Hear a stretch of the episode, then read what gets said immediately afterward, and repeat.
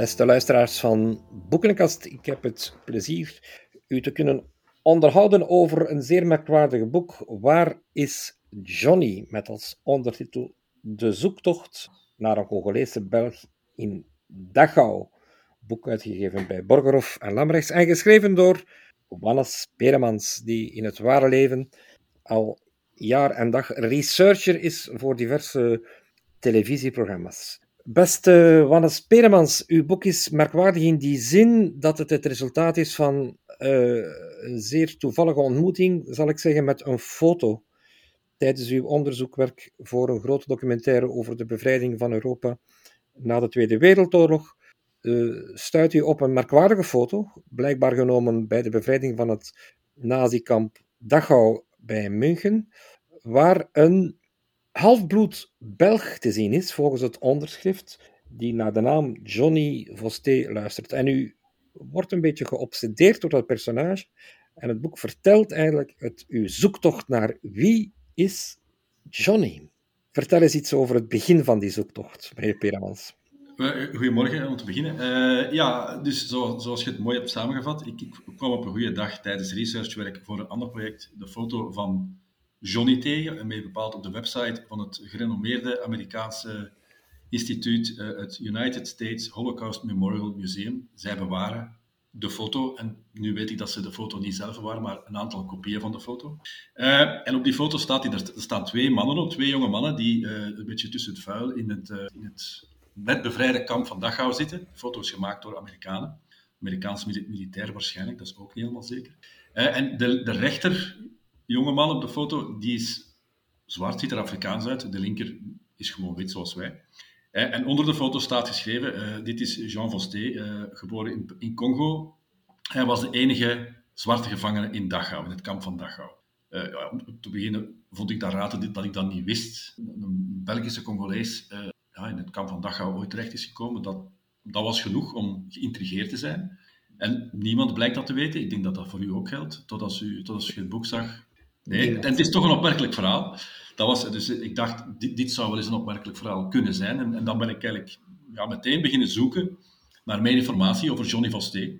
Um, er, ja, je vindt wel een paar kleine dingen. Die foto die is min of meer, hoe zal ik het zeggen, uh, bekend bij liefhebbers van het genre. Uh, dat, klinkt nu wel raar, maar bij mensen die, die, die, die meer weten over de concentratiekampen is de foto van Johnny Vosté wel bekend. Uh, dus er zijn wel een paar dingen te vinden over hem.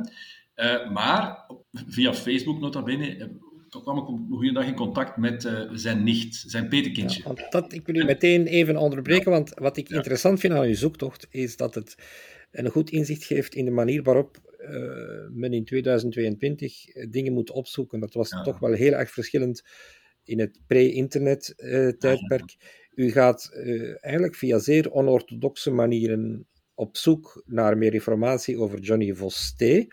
Mhm. En u zegt het zelf net, u, u, doet dat ook via Facebook. Dat, dat klinkt natuurlijk als een vloek in de, horen, in de, in de oren van een, van een serieuze historische onderzoeker. Maar het is dankzij die omweg via Facebook dat u mhm. eigenlijk echt op het spoor gekomen bent van, van Johnny ja, van zijn familiale link.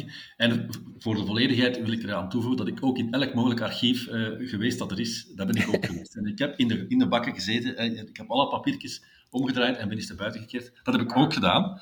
Maar de grootste doorbraak, zoals gezegd, die is inderdaad gebeurd op Facebook, waar op een, zekere, een zekere bepaalde Facebookgroep over, over Mechelen, daar heeft iemand die foto gezet, want Johnny was een Mechelaar. En onder die foto staat een reactie van Wendy Hendricks, deze man is mijn Peter. Ik heb die foto nooit gezien. Dus ik heb dan direct beginnen zoeken. En Wendy Hendricks is die vrouw. Snel gevonden, alweer via, via het internet gewoon.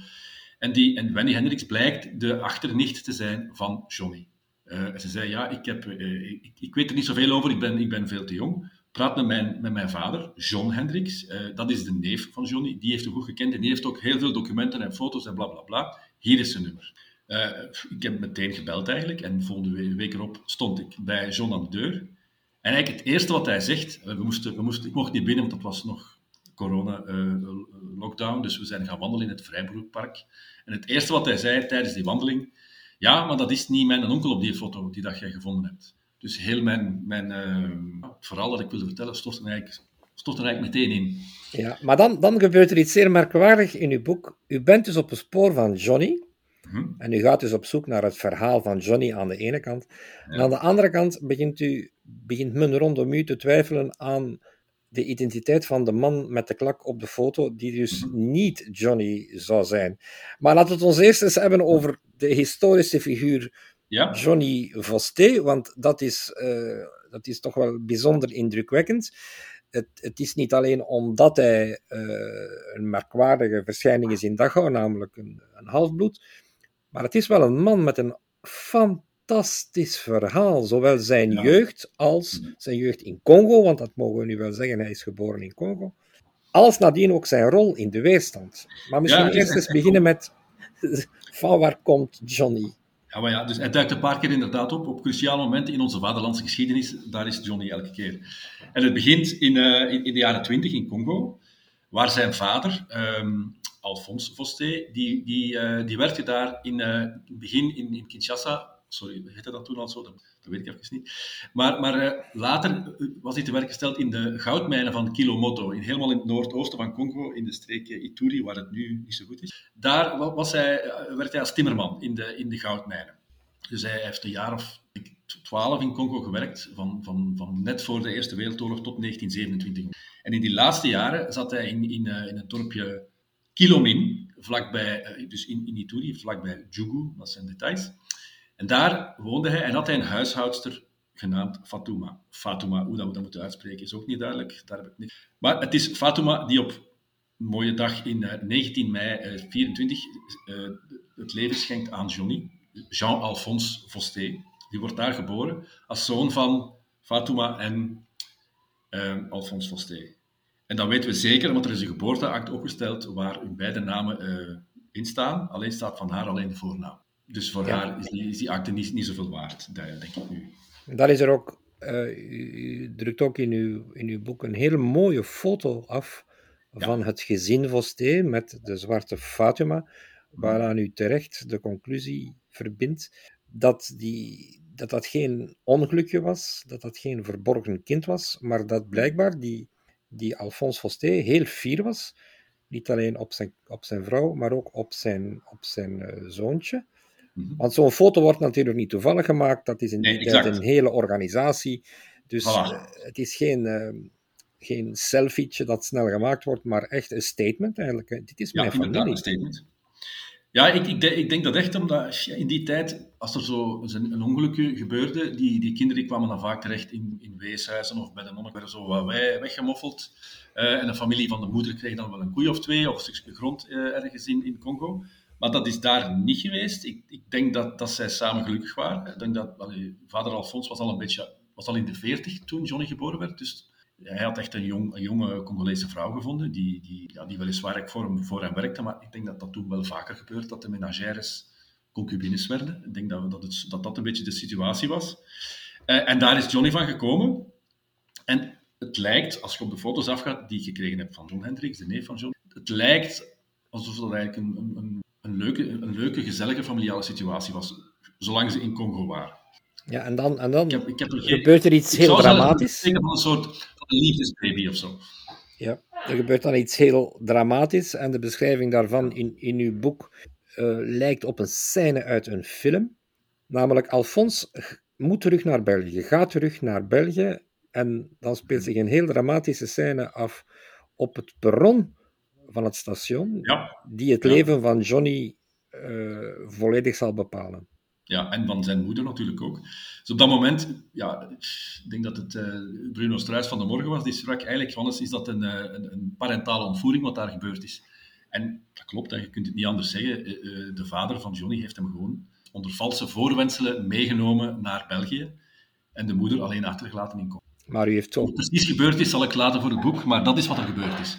Ja, maar u weet eigenlijk niet over wat toen de motivatie is geweest. Dat is natuurlijk heel moeilijk te achterhalen. Ja, ik denk, wat mij gezegd is, maar ja, dat niemand weet dat zeker, is dat eh, hij dacht misschien, ja, hij zal Johnny graag gezien hebben.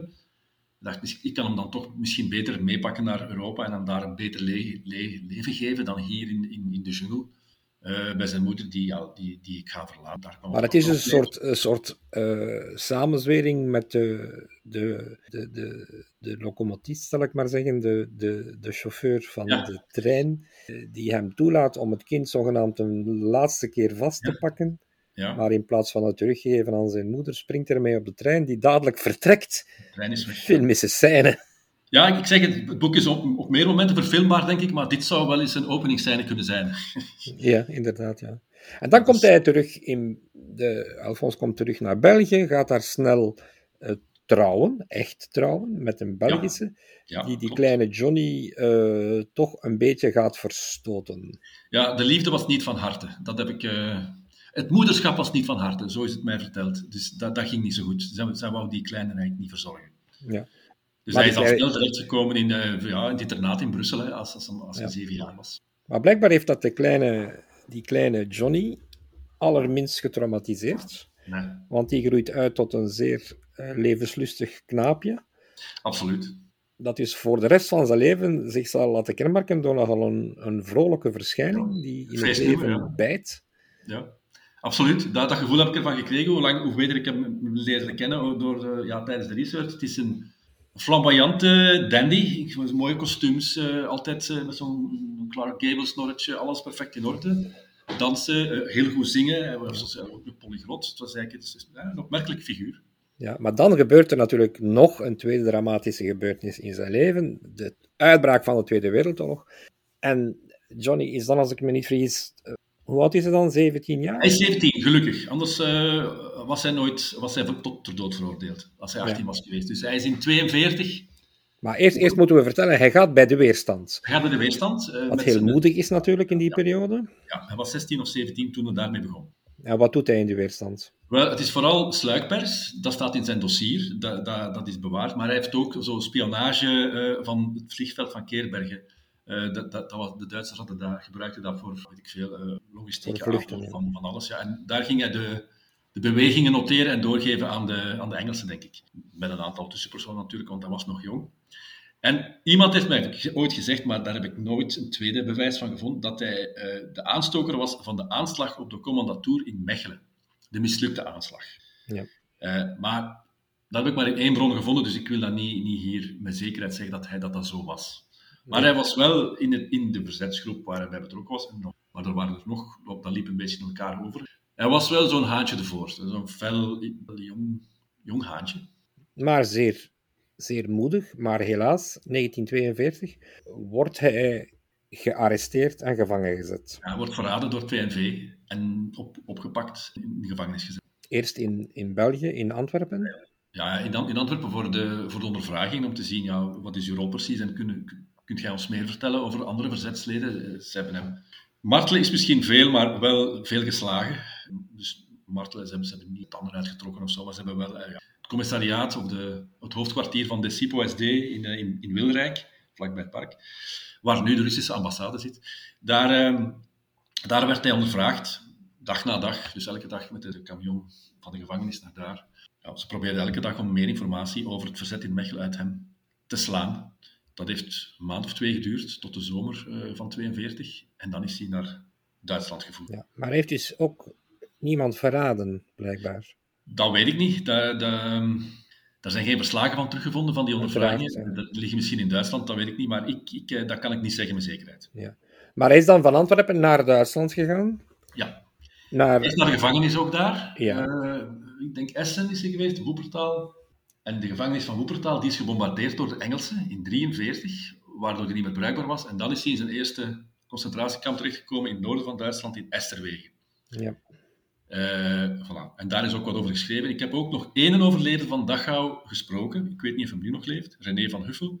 En die heeft bevestigd dat hij Johnny daar gezien heeft. Ja, dus Johnny zal in Esterwegen geweest zijn, maar eindigt dan, beëindigt dan de oorlog met een heel lang verblijf in... Ja Dachau. Weer een jaar later dan wordt hij naar Dachau gebracht, want alle kampen in het midden van Duitsland die worden ontruimd, want die worden bevrijd door de Amerikanen. En Dachau ligt helemaal in het zuiden, dat is een van de laatste die bevrijd is. Uh, dat was dicht bij München, het hoofd. Ja.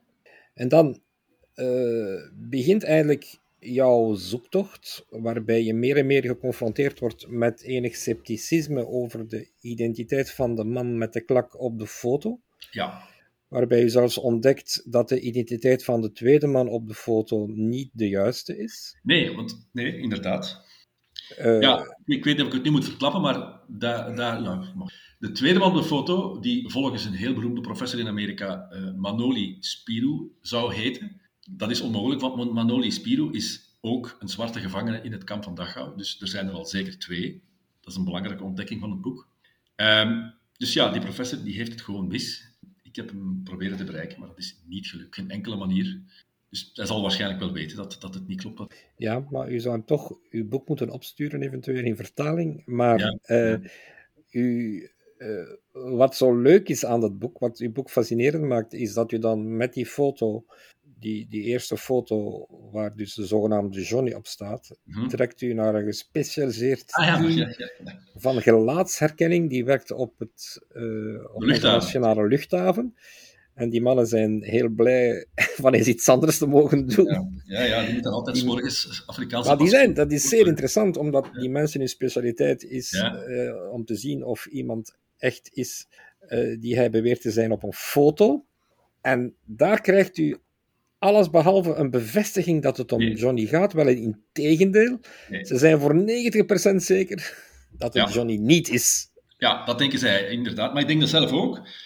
Alleen, eh, wie is het dan wel? Dat is, dat is het probleem. Dat, dat, dat, het verhaal, zijn verhaal klopt wel, alleen is die foto ja, was mogelijk niet de juiste foto. Want u drukt in uw boek ook vier andere foto's af van Johnny naast, naast die eerste foto. En ik denk dat iedereen een beetje hetzelfde denkt. Dat is niet Johnny. Hij lijkt er niet echt op, hè? Nee. Nee, dat, is, dat, dat klopt, hij lijkt er niet echt op. Uh, dus dus, dus ja, ik, ik, ben dan maar gewoon verder beginnen zoeken. En eigenlijk, dat is een belangrijke boodschap voor mensen die, die research doen. Je moet hetzelfde opnieuw bekijken. Keer op keer, op keer op keer op keer. En je ziet altijd wat. Ja, dat, dat is ook een van de interessante zaken aan uw boek, dat u beschrijft hoe het internet eigenlijk fluïde is. Dus het is niet een archief dat voor eens en altijd hetzelfde is, maar er komt altijd dingen bij. Het is bovendien zo uitgebreid en zo moeilijk te bevatten, ja. Dat jij zelf ook bij je vijfde bezoek van een of ander archief tot de conclusie komt dat je over iets over had gekeken. Ja, ja. ja dat is... Uh, dat heeft het voordeel natuurlijk dat je onderzoek zeer levendig blijft. Dat ah, ja, ja altijd... er komen altijd nieuwe dingen. Altijd. Ik heb, pas op, ik heb het natuurlijk ook een beetje zo geconstrueerd om, het, om, het, om de spanning erin te houden in het boek. Die, niet alles is effectief in die volgorde gebeurd zoals het beschreven staat. Maar het is wel allemaal echt gebeurd natuurlijk. Er staat niks in dat niet echt gebeurd is. Ik, vind het, ik vind het echt uh, zeer verbazend, omdat als je dan dat boek in handen neemt, en ik heb het hier voor mij, uh, en je ziet die foto, en daarboven waar is Johnny, en dan kom je tot de conclusie dat die Johnny niet is, maar dat je wel Johnny gevonden hebt, dat je weet wie Johnny is, maar dat het niet de man is op de cover van de foto. Dat maakt het in feite een beetje, uh, vergeef me de uitdrukking, een beetje grappig. Ja, omdat ja, nee, u gezocht hebt, uh, u bent op een spoor gekomen van iemand anders. Ja, inderdaad, ja. En dat we dus nog altijd niet weten wie die man met de klak is.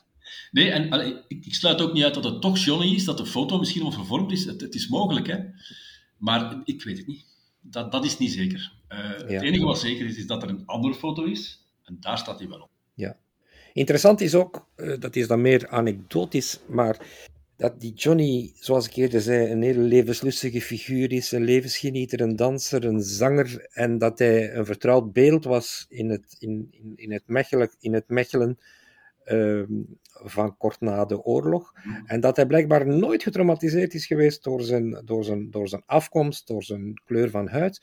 Tot in het begin van de ja. jaren 80, dat ja, er toch ja, iets 60, verandert. 70 jaar. Ik, ik heb dat ook maar uit, uit, uit tweede hand, maar ja, men zei mij dat Johnny, dus in de, de verenigingen die ontstonden na de oorlog uh, van andere politieke gevangenen, dat ze hem zo wat meewarig onze negerjongen noemden.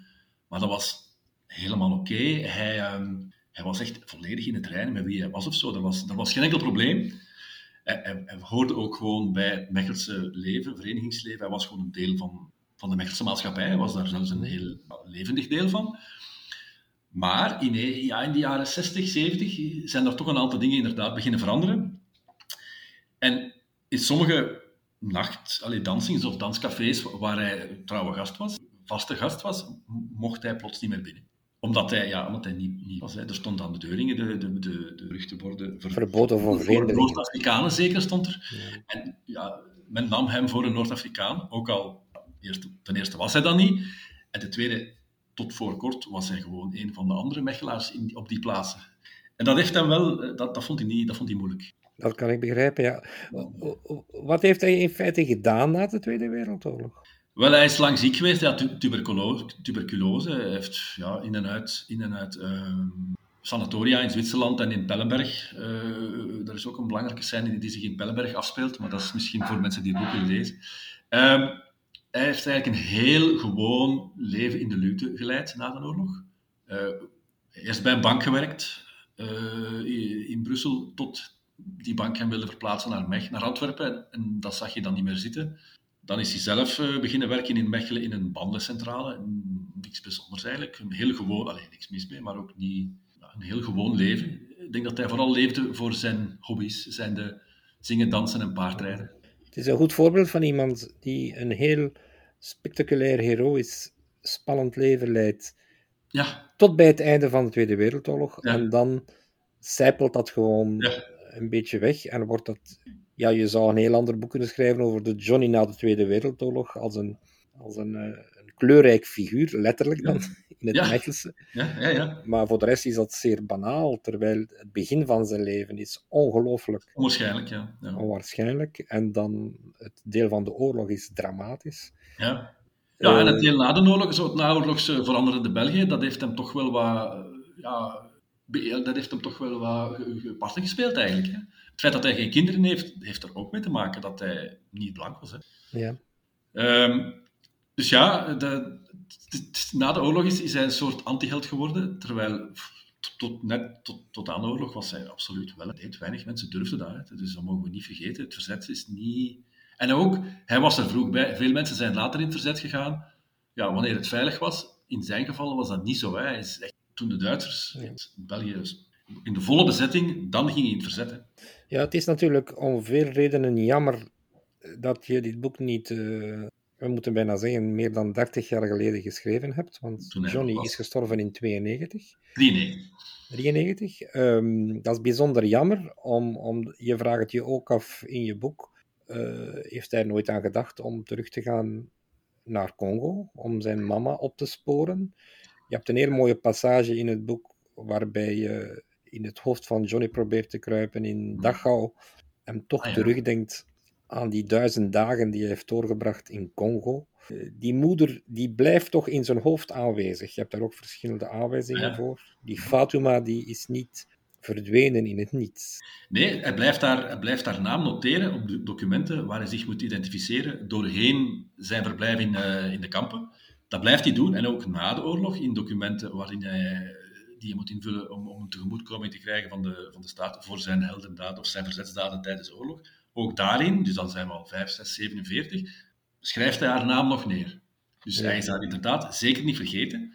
Terwijl hij ook gezegd heeft dat hij geen enkele levende herinnering heeft aan zijn moeder. Hij is vertrokken, hij is weggehaald uit Congo voor hij, daar, voor, hij ja, voor zijn geheugen rijp genoeg was om haar te kunnen herinneren. Dus, ja. En toch noteert hij haar naam twintig jaar later. Dus ja, ze moet toch iets betekend hebben nog later in zijn volwassen leven. Je hebt er niet aan gedacht om zelf op, op, op speurtocht te gaan in Congo? Ik, heb geprobeerd, maar het is echt een, een afgelegen hoek van Congo. En ik weet, er documenten van de jaren 30, 20 zelfs. De kans dat die daar nog bewaard zouden zijn, is echt niet groot. Uh, en ja, ik, ik, heb wel wat dingen gevonden in de Belgische archieven van zijn vader daar, maar niet over zijn moeder. En zijn geboorteakte heb ik daar gevonden, maar, maar verder niks over zijn moeder. Die zal ook ergens ja, in de jaren 80, 90 ook gestorven zijn waarschijnlijk. Misschien, misschien nog een beetje later. Maar ja, dat zal voor een andere keer. Ja, voor een andere keer, maar... Waar is Fatima, dat wordt een volgende boek. Waar is Fatima? Maar uh, hetzelfde geldt natuurlijk voor je, voor je eigen onderzoek naar die foto. Ik heb het gevoel, als ik het boek dichtklapte, dat het onderzoek niet gedaan is. Nee, nee. Ik, ik, uh ik heb ook nog altijd contact nu met een instituut in Washington, het United States Holocaust Memorial Museum. Dat is echt een heel gerenommeerde instelling en eigenlijk is er al nieuws. Dus ik heb hen nu op de hoogte gebracht van mijn vondsten nadat het boek gepubliceerd ja. is. En zij hebben altijd gezegd, het staat ook zo in het boek, ja, Johnny heeft zelf, zichzelf op die foto herkend en daarom denken wij dat hij het is. Hij heeft dat bevestigd aan ons. Maar ik heb dat nooit ergens gevonden, die informatie. Dus ik heb nu nog expliciet aan hen gevraagd, waar hebben jullie dat gevonden? En als antwoord hebben ze mij alles wat ze hebben over Johnny bezorgd. Uh, een e-mail van 60 pagina's. De meeste documenten had ik al.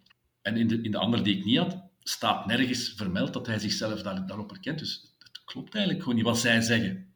Dus dat heb ik dan ook laten weten. En ik krijg, ah, sorry, was het antwoord. Dus ze hebben ook nog altijd de foute informatie op hun eigen media, op hun eigen website, nog altijd niet aangepast. Er staat nog altijd, Johnny Foster was the only black prisoner in Dachau. En dat is nu echt zeker niet waar. En de foto waar hij dan wel op staat, die zij nota bene zelf bewaren, nog altijd, je kunt die nog altijd vinden op diezelfde website, daar staat ook niet bij dat dat Johnny Foster is. Dus zij hebben nog geen update van de informatie gedaan. Ik vraag me af of dat komt, en ik weet het ook een beetje. Ehm, ik heb met een paar andere experts over Afrikanen, eh, eh, andere experts, echte experts gesproken over zwarte mensen in de kampen. En zij merken dat het geen prioriteit is voor dat instituut. De jodenvervolging, daar gaat het eigenlijk echt over. En dat is natuurlijk veel grootschaliger en veel gruwelijker en veel erger dan... dan dat, dat ja, het is een vaker voorkomende frustratie van politieke gevangenen. Ja. Dat zij met alle respect voor de slachtoffers van de Holocaust ja. zich toch altijd een beetje... Uh, ja, dat onderzoek is minder, uh, minder uh, diepgaand. Ja, dat is inderdaad zo. Maar, heb ik nu ook vernomen, dat is ook nu maar zo. Want in de jaren tachtig was het omgekeerd. Dan was er wel heel veel aandacht voor, voor politieke gevangenen met, gevangenen, met herdenkingen en zelfs kleine monumentjes. Dat was er allemaal. En toen waren de, de, de, de Joodse slachtoffers van de Holocaust, en zeker de Roma en de Sinti, werd veel minder over gesproken. Dat is helemaal gekeerd. Dat is ook interessant. Maar niet sluit echt uit dat hier nog een vervolg aan komt. Dus ik ben, u heeft zelf gezegd dat het internet zo fluide is dat u er telkens andere dingen. Ja, ik, ik blijf, ik blijf kijken, ja. Blijf kijken, goed. Bedankt, Wanne Speremans. Ik herhaal even dat het over Waar is Johnny gaat. Een heel lezenswaardig boek. De zoektocht naar een Congolese Belg in Dachau. Bij Borgerhoff en uitgegeven en verkrijgbaar op de webshop van Doorbraak natuurlijk. Wel bedankt iedereen. Tot een volgende keer.